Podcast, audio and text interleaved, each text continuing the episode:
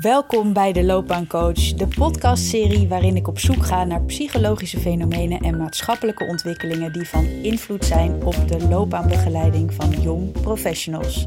Deze serie wordt gemaakt vanuit de leergang loopbaancoaching van de Hogeschool van Amsterdam en mijn naam is Japke Ebbingen. Vandaag in deze coronaproof afstandsstudio gaan we het hebben over een veelgebruikte theorie in therapie, in coaching en misschien wel überhaupt in het begrijpen van menselijke interactie. We gaan het hebben over de transactionele analyse. En dat ga ik doen met iemand die hier alles vanaf weet, David Kooi. David is psycholoog en als docent en coach verbonden aan de Hogeschool van Amsterdam. En hij coördineert en doseert in de minor docent als coach bij docentenopleidingen. David, welkom. Dankjewel. David, waar komt jouw passie, zou ik haast willen zeggen, uh, vandaan voor die transactionele analyse? Um, nou, Eigenlijk uh, heb ik eerst kennis gemaakt met de theorie van Freud. En het leuke van Freud vond ik dat het, los van dat er dus een beetje mysterie in zit van waar komt ons gedrag vandaan en je kunt het niet sturen en het onderbewuste speelt een grote rol. Maar wat ik mooi vond aan Freud is dat het een combinatie maakt van nature en nurture. Namelijk, je hebt je eigen temperament en daarmee word je geboren en daar komen al die invloeden van buiten, die komen daar dan, um, werken daarop in en zo wordt de persoonlijkheid gevormd. Nou, natuurlijk is temperament geen term uit de tijd van Freud, maar ik gebruik hem toch even. En later in mijn eh, studie uh, stuitte ik op een trainingsmap van Frank Oomkes en daar was een onderdeel de stoelendans. En de stoelendans is een werkvorm die uh, iets zegt over communicatie. Zit je in de ouder, volwassen of kind en dan hopt je van stoel naar stoel in een gesprek. Dus waar je billen waren, op die ego-positie was je dan. Nou, dat, die term komt straks van naar voren, denk ik. Um, ik was er erg van gecharmeerd en, um, en ik las dat dat uit de TA kwam, de transactionele analyse. En dat heeft eigenlijk mijn interesse uh, gewekt vanaf dat moment. En dat is niet meer gestopt, volgens mij. Dat is niet meer gestopt, nee. Wat is er zo belangrijk aan die TA? Waarom moet iedereen die eigenlijk kennen? oh jeetje, ik, ik, heb geen missiedrift. Um, Heel goed. uh, waarom is het fijn om kennis te hebben van de TA? Um, omdat de, de TA je handvatten biedt om onderscheid te maken tussen, uh, tussen ik en de ander zodat je de ander beter kunt zien en horen. En ook jezelf beter kunt zien en horen. Um, en dat is voor communicatie en um, loopbaanbegeleiding wel heel erg belangrijk. Dat je de ander um, kan laten zijn wie die is. Vanuit het idee dat de ander oké is. Dat is eigenlijk het belangrijkste wat het doet. En vervolgens biedt de TA allerlei perspectieven binnen een zelftheoretisch raamwerk. Dus het helpt je om na te denken over communicatie en over gevoelens in communicatie en over je eigen uh, volwassenwording. Um, en het biedt daar verschillende perspectieven voor. En dat maakt het mogelijk om snel te reflecteren. Of effectief te reflecteren. Effectief te kunnen reflecteren, omdat je een helder onderscheid kunt maken tussen ik en de ander. Ja. Laten we bij het begin beginnen. Wat is de TA, de transactionele analyse? En wie is de grondlegger? Kun je een korte ontstaanshistorie schetsen? Uh, ja, dat kan ik wel. Uh, Eric Byrne, dat is de naam die hoort bij uh, het begin van de transactionele analyse. En Eric Byrne was psychoanalyticus, dus van Freud. En zo in de jaren 50, 60 was psychiatrie omgeven door een soort van waas van ondoorgrondelijke professionaliteit. En wat dat deed, was dat het patiënten afhankelijk maakte van de mensen in de witte jassen. En dat vond hij niet zo'n goed idee. En hij heeft toen een boek geschreven, eh, een bekend boek, Games People Play. En dat was eigenlijk bedoeld voor, voor behandelaars. Alleen het was zo helder geschreven dat het een bestseller werd. En wat hij eigenlijk daarin vertelt, zijn eigenlijk twee dingen. Namelijk dat mensen in een situatie um, in een bepaalde ego-toestand geraken. Dus als je, als je patiënt bent, dat je in een soort van patiëntenrol kruipt. Of als je een ouder bent, dat je in een ouderrol kruipt. En dat is een geheel van denken, voelen en doen. En dat is het eerste. En het tweede wat hij uitlegde was dat je um, Het gaat over de games die people dan playen. Um, uh, over dat mensen de neiging hebben om hun onbewuste overtuigingen steeds maar weer te laten waar zijn. Ik ga een voorbeeld geven van een, een, een leerling of een student die eigenlijk overtuigd is dat je niet te helpen is. En die komt dan bij de, bij de coach en uh, die zegt van uh, je, je moet me coachen. Dit en dit is mij overkomen en, en ik weet echt niet hoe ik verder moet. Nou, de coach is getriggerd en die gaat vragen en die gaat voorstellen doen. Heb je hier aan gedacht? Heb je daar aan gedacht? Heb je daar aan gedacht? En terwijl zo'n gesprek vordert, krijgen allebei krijgen een onaangenaam gevoel. Totdat er een omslagpunt komt en dat de coach denkt van ik krijg een hekel aan jou. En de coachie denkt ik ben gewoon niet te helpen. Um, even naar die overtuiging van ik ben niet te helpen. Als dat je overtuiging is waarmee je communicatie ingaat, dan zul je onbewust de communicatie saboteren, zodat je gelijk krijgt in je overtuiging. Maar it takes two to tango.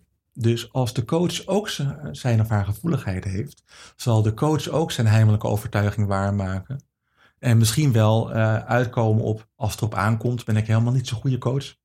Uh, en is, is dat dan eh, te vergelijken met de, de, de populaire term self-fulfilling prophecy? Uh, ja, zeker. Alleen dan in een soort formule. Namelijk, um, hoe moet ik dat zeggen? Het, zit, het, speelt zich af in de interactie. Het speelt zich af in de interactie. En die interactie is wel goed na te pluizen over wat er gebeurt. Namelijk iemand die legt iets neer dat lokaas is voor de coach. Van uh, uh, iemand komt binnen, help, help. En de coach is getriggerd, want de, dan de coach denkt: ik ben pas oké als ik mensen help. Nou, op die manier uh, kom je eigenlijk op een pad waar je niet zou willen zijn. En die paden, die worden beschreven in het boek The Games People Play. The games people play. Dus het spel dat je met elkaar doet.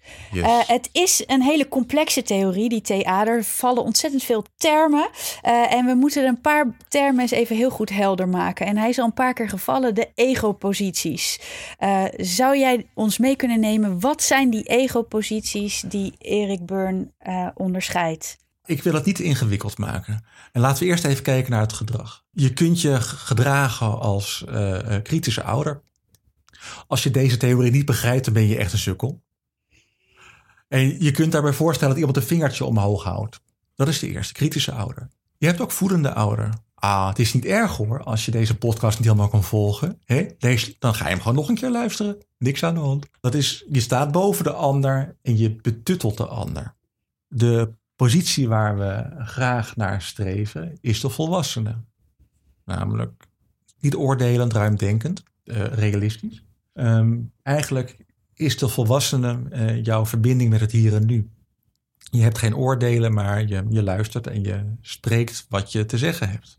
Gaan we een stapje naar onder. En ik zeg een stapje naar onder omdat we gebruik maken van drie bollen. En dat zul je wel zien als je de theorie bekijkt. Je hebt drie soorten kind. Namelijk vrijkind, aangepast kind en rebelskind. Vrijkind is, um, je, bent, je, je voelt wat je voelt en het uit je. Dus als je verdrietig bent, ben je verdrietig. Als je blij bent, ben je blij. En wat je in ieder geval kan zeggen van vrijkind is dat het nieuwsgierig is. Dat het open is uh, en dat het spontaan is. Dat kun je niet zeggen van aangepast kind. Van aangepast kind is eigenlijk hoe kan ik me zo gedragen dat jij me aardig vindt. Dus uh, mag ik een koekje? Ah, dat is je maakt jezelf klein en je nodigt de ander uit om voor jou te gaan zorgen. Aangepast kind. En eigenlijk is aangepast kind is gehoorzaam en passief. Maar wat een aangepast kind heel goed weet, is op welke knopjes die moet drukken bij de ander om de ander zorgen te maken. Dat geldt ook voor rebellerend kind. Hè? Want ik noemde vrij kind, aangepast kind en nu komt rebellerend kind. Um, eigenlijk doet een rebellerend kind precies hetzelfde als aangepast kind, alleen probeert je nu te irriteren. Ik ga mijn kamer echt niet opruimen. Ja, Stampvoeten naar boven. Ja. Uh, dus, dus precies dat zeggen waardoor jij als, uh, als, als docent of als loopbaanbegeleider of als nou, welke rol je maar hebt, uh, de haren overeind gaan staan. Want wat levert dat op? Aandacht. En dus opstandig en klagend, dat hoort bij rebelskind. En dan hebben we ze alle, um, nou, ik zou zeggen drie of de variaties. En dat maakt het dan in totaal zes gehad. Maar hè, dus de, uh, de ouder, ja, de volwassene uh, en kind. En deze posities, die roepen iets op. En, da en dan ontstaat er een transactie. Kun je daar iets over zeggen? Ja, wat je eigenlijk hebt is als je uh, met iemand praat, dan uh, stuur je een prikkel naar de ander. Dus bijvoorbeeld jij vraagt vanuit je volwassen ego-toestand, uh, wat eten we vandaag? En hey, stel je voor, je, komt thuis en je partner is aan het koken en je, je, je zegt, wat eten we vandaag? En dan zegt je partner, we eten vandaag spruitjes. Dus dan heb je een prikkel, namelijk wat eten we vandaag? En het antwoord, de respons, spruitjes, is dan de respons. En dan heb je een transactie, namelijk een uitwisseling van, uh, van strokes, van erkenning van elkaar. Dus dat is een transactie, een heen en een weer, een prikkel en een respons. Een prikkel en een respons. En de ene uh, prikkel die noept, roept een respons op. En jij laat even snel een andere belangrijke term uh, in de TA vallen, namelijk strokes. Wat is dan een stroke? Een stroke is een eenheid van erkenning. Zo staat het in de literatuur. Eigenlijk iedere keer als je het bestaan van de ander erkent, of het nou is door een knipoog, oogcontact of iets tegen de ander te zeggen, dan geef je een stroke. En eigenlijk zijn er twee soorten strokes. Dat is uh, erkenning, namelijk ik zie jou, en structuur. En die beide zorgen ervoor dat je um, wordt ondersteund in het, um, het bij elkaar houden van jezelf eigenlijk. Zou je dan kunnen zeggen dat de vraag, uh, de stroke, de vraag is wat eten we vandaag? Is dat een structuurstrook? Uh, en dan het antwoord spruitjes is dan ik zie jou? De een komt thuis, ik zal het heel genderneutraal uh, vertellen. de een komt thuis en die, die vraagt wat eten we? Um, ik weet niet zeker of het een structuurstrook is of een erkenningsstrook is. Want misschien is het alleen maar honey, I'm home. Dat hij dat eigenlijk bedoelt. En dan is het eigenlijk van zie mij staan, ik ben er en ik zie jou ook staan. Dat is puur erkenning. Um, als hij nou uh, wil weten wat we eten omdat het hem geruststelt, dan is het zeker een structuurstrook. Hè? Want dan, dan kan hij zich instellen op we gaan spruitjes eten. En ik weet niet hoe belangrijk het is voor die persoon om zich daarop in te stellen, maar dan is dat zeker uh, structuur. hey, en het is stiekem toch een, niet een genderneutraal uh, verhaal geworden, David. Even terzijde. Hij, ja, sorry, sorry, hij, hij sloopt er toch in. De I. Uh, ja, precies. dus, dus dit kan ook omgekeerd, mensen. Ja, dus we gaan terug naar die soorten transacties. en dus de ene transactie roept een andere op. En nou is misschien wel de beroemdste transactie van die transactie analyse, de drama-driehoek. En uh, heb je een voorbeeld van die drama-driehoek? Hoe kom je erin en vooral hoe kom je er dan weer uit?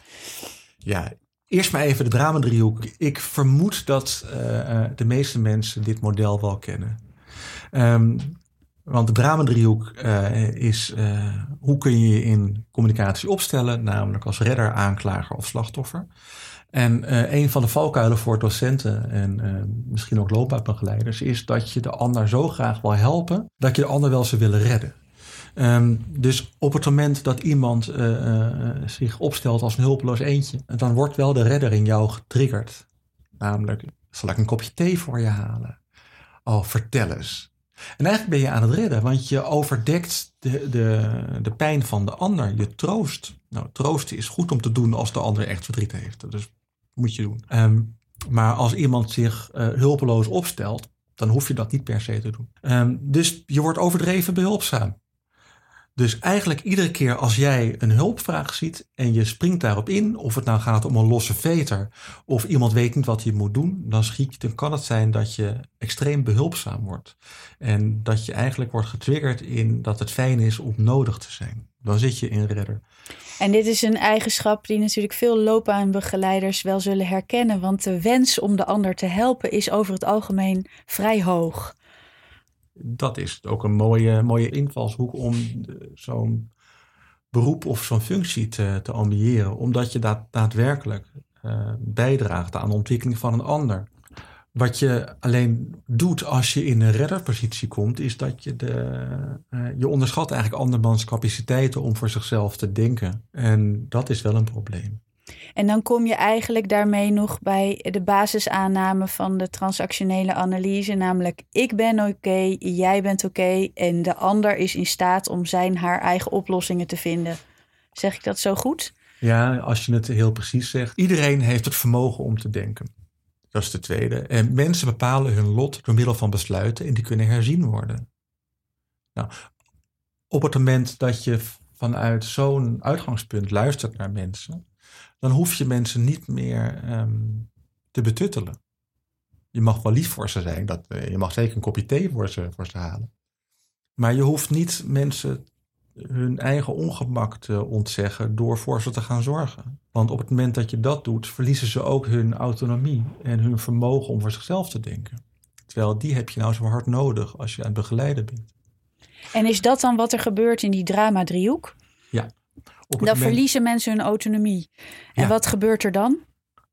Ehm, dan eigenlijk kom je dan weer in spel terecht, in de games people play.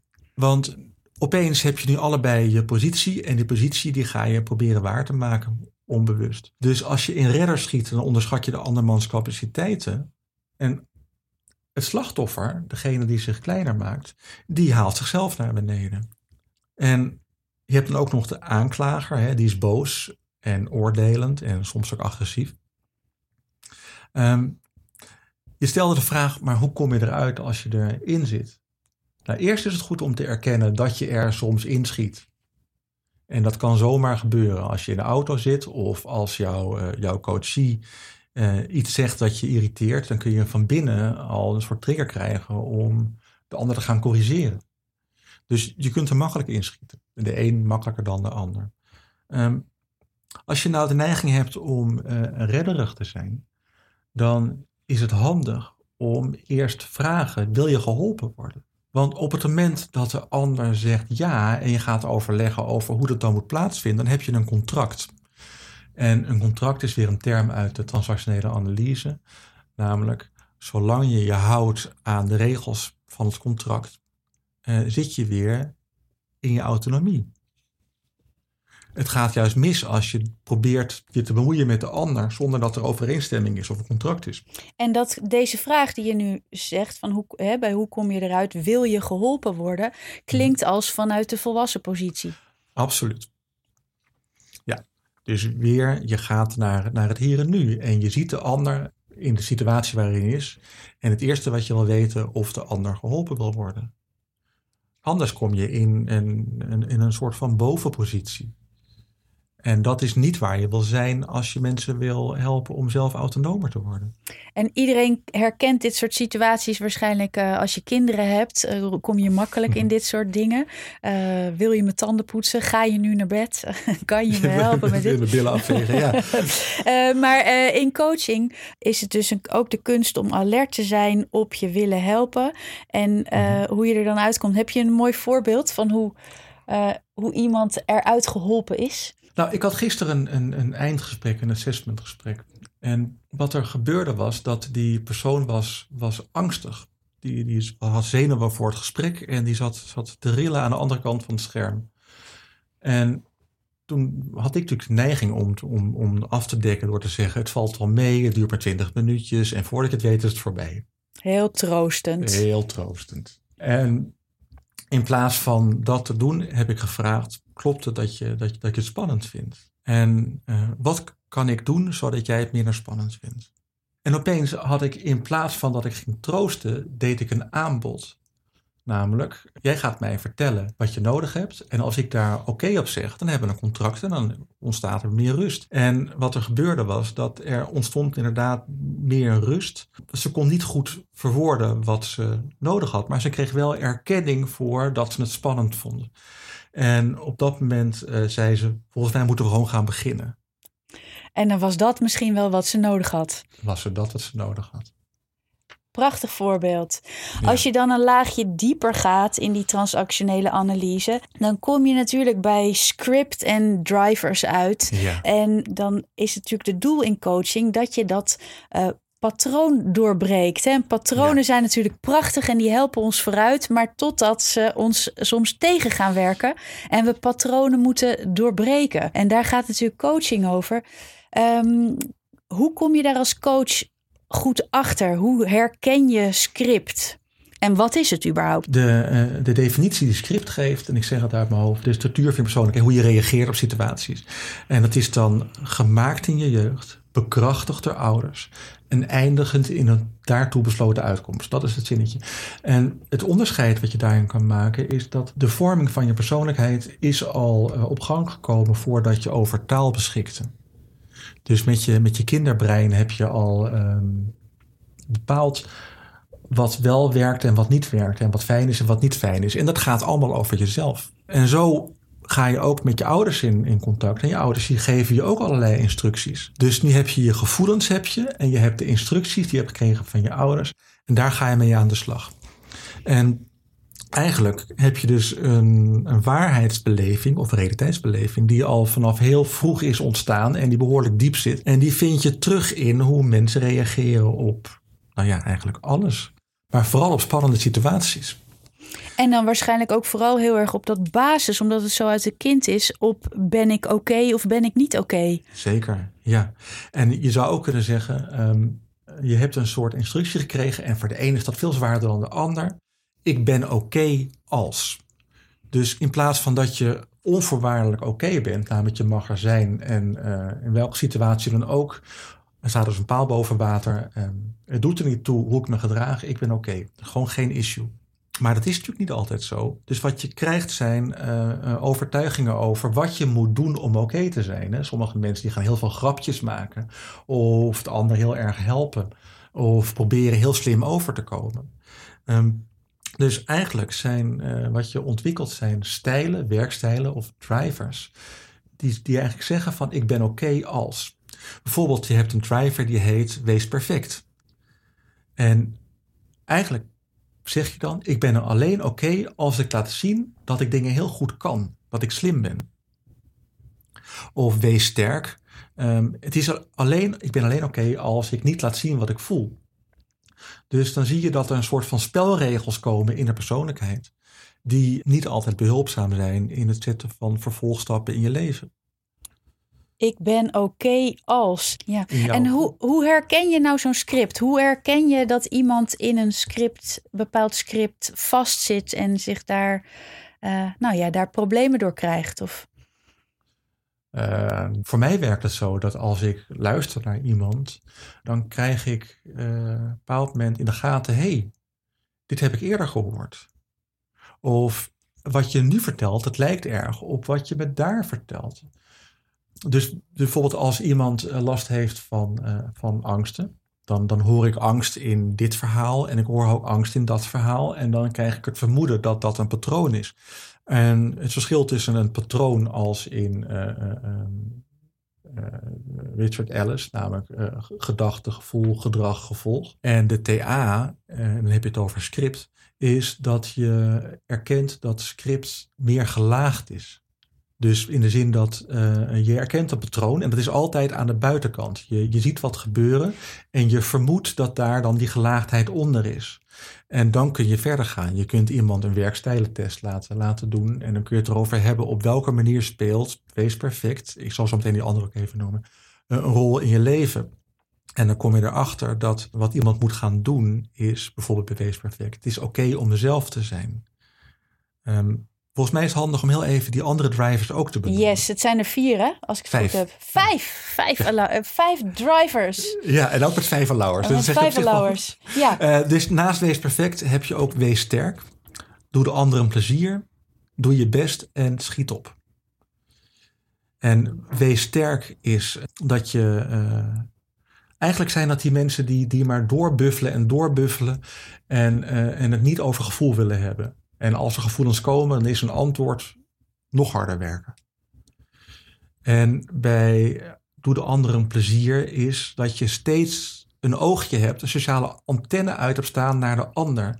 Namelijk, ik ben pas ben oké als de ander mij um, goedkeurend aankijkt. Of laat zien dat hij mij oké vindt. Je hebt ook, doe je best. En dat is, ik ben oké, ben alleen oké als ik laat zien dat ik mijn best doe. Dus dat je echt tot het gaatje gaat en dat je echt doorgaat. En schiet op is, ik ben alleen, alleen oké als ik sneller ben dan de rest. dat zijn die mensen op de snelweg die maar één wegheld uh, kennen. Uh, maar ook die zo snel mogelijk dingen af willen hebben. En eigenlijk uh, een hekel hebben aan reflectie, want dan worden ze al onrustig van binnen. Mm -hmm. En bij elke driver hoort er een zogenaamde allower, hè, waar mensen ja, naartoe kunnen werken. En wat is die allower? Nou, eigenlijk is die allower. ehm, je moet even ehm, die drivers of werkstijlen. ehm, dat is je gebruiksaanwijzing. En die heb je eh, in, in vroeger tijden ontwikkeld. eh, eh, in hoe je je ouders hebt ervaren. En hoe je je ouders kon plezieren. En eigenlijk wat je kan zeggen als coach. Is, eh, je geeft eigenlijk een nieuwe instructie. Bijvoorbeeld even terug naar Wees Perfect. Iemand die, die probeert steeds te laten zien dat hij slimmer is. En eigenlijk slimmer is dan zichzelf. Dan zal je als coach een soort van tegengif. Geef je dan de allower. Het is oké om jezelf te zijn. Of bij Wees Sterk. Die, die, die buffelaar die geen gevoel wil laten zien. Ehm, dan zeg je van het is oké om open te zijn. En voor jezelf op te komen. Dus je, je gooit als het ware een nieuwe instructie naar binnen. En als het goed is, als hij aanslaat, dan haalt hij de spanning eruit. Dus wat je dan merkt, is je bent met iemand in gesprek. Je ziet de, een beetje de, de spanning in de ander, de opgefoktheid wou ik zeggen. En je zegt dan van het is oké om jezelf te zijn. Los van dat je dat zegt, zijn er dan ook speciale oefeningen die je kunt inzetten? Ehm, nou, de TA is niet per se een theorie die volstaat met oefeningen. Het is vooral een denkraam en je kunt er oefeningen van maken. Maar vaak is het wel maatwerk. Dus je praat met iemand en of iemand die is gaan verdiepen in de TA en die ontdekt dat hij een bepaalde driver heeft. En gaat dan ook zichzelf proberen te coachen door te zeggen: Het is oké om, het is oké om mezelf te zijn. Ehm, dus ja, is- dus zo helpt, het, eh, zo helpt het toepassen van deze theorie, hè, hoewel het niet vol zit met oefeningen, ehm, behalve misschien de stoelendans, helpt het de coachie om naar zichzelf te kijken en Ja. zijn eigen patroon te zien en te herkennen. En omdat Ja. dat inzicht ontstaat, kan iemand het ook anders gaan doen. Hè? Dat is weer, daar Ja. heb je weer die keuze. Ik kan mijn gedrag bijstellen. Ja, nou en misschien is dit ook wel eh, de kracht van de TA. Ehm, eigenlijk als je aan het coachen bent, dan ehm, ben je misschien ook wel ehm, je coachie een kleine stukjes theorie aan het uitleggen. Want dat geeft iemand gereedschap in handen om zelf mee te gaan eh, eh, knutselen. En de TA biedt heel veel van die handvatjes. Dus als je iemand een drivertest eh laat doen, dan bied je iemand een soort van ingang om, om, om daar grip op te krijgen. En binnen coaching zou je dat kunnen noemen een gedeeld theoretisch kader. Namelijk, jij hebt kennis over een theorie en je coachie heeft het ook. En opeens kun je in die taal gaan praten. En dat geeft je nieuwe inzichten vaak. Nieuwe inzichten en doorbraak in de patronen. Het is een soort Yes. psycho-educatie, hè? Dat, is theo- precies wat het is. Ik moet toch maar nog een term erbij halen en dat is een permissen. En, en want waar ik vertelde wat een allower is een soort van nieuwe instructie die jou eh, doet ontspannen. Je hebt ook nog een permissen. En een permissen is, ehm, is eigenlijk dat je eh, toestemming krijgt om te voelen, om te va- ervaren, om erbij te horen.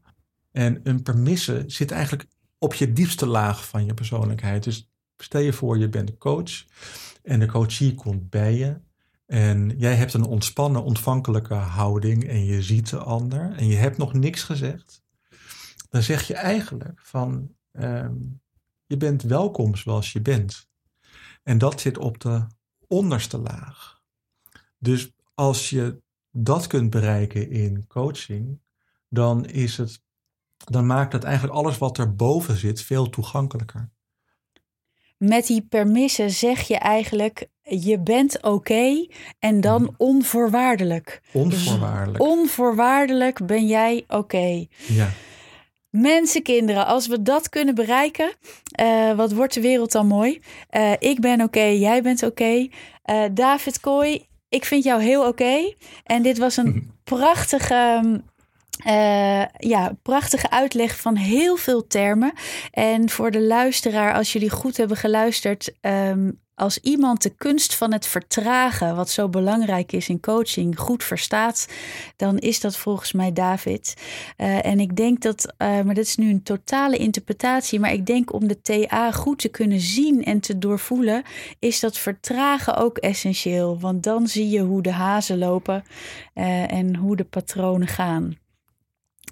David, ik dank je heel hartelijk voor al je uitleg over de transactionele analyse. En ik wens de luisteraar dat ze er hun voordeel mee doen en eh, dit theoretisch kader met velen kunnen delen. Dankjewel. Dit was de Loopbaancoach. We zijn te vinden op iTunes, Soundcloud, Spotify of via de website van de HVA www.hva.nl slash loopbaancoaching. Ook zijn we te volgen op Instagram, de underscore loopbaancoach.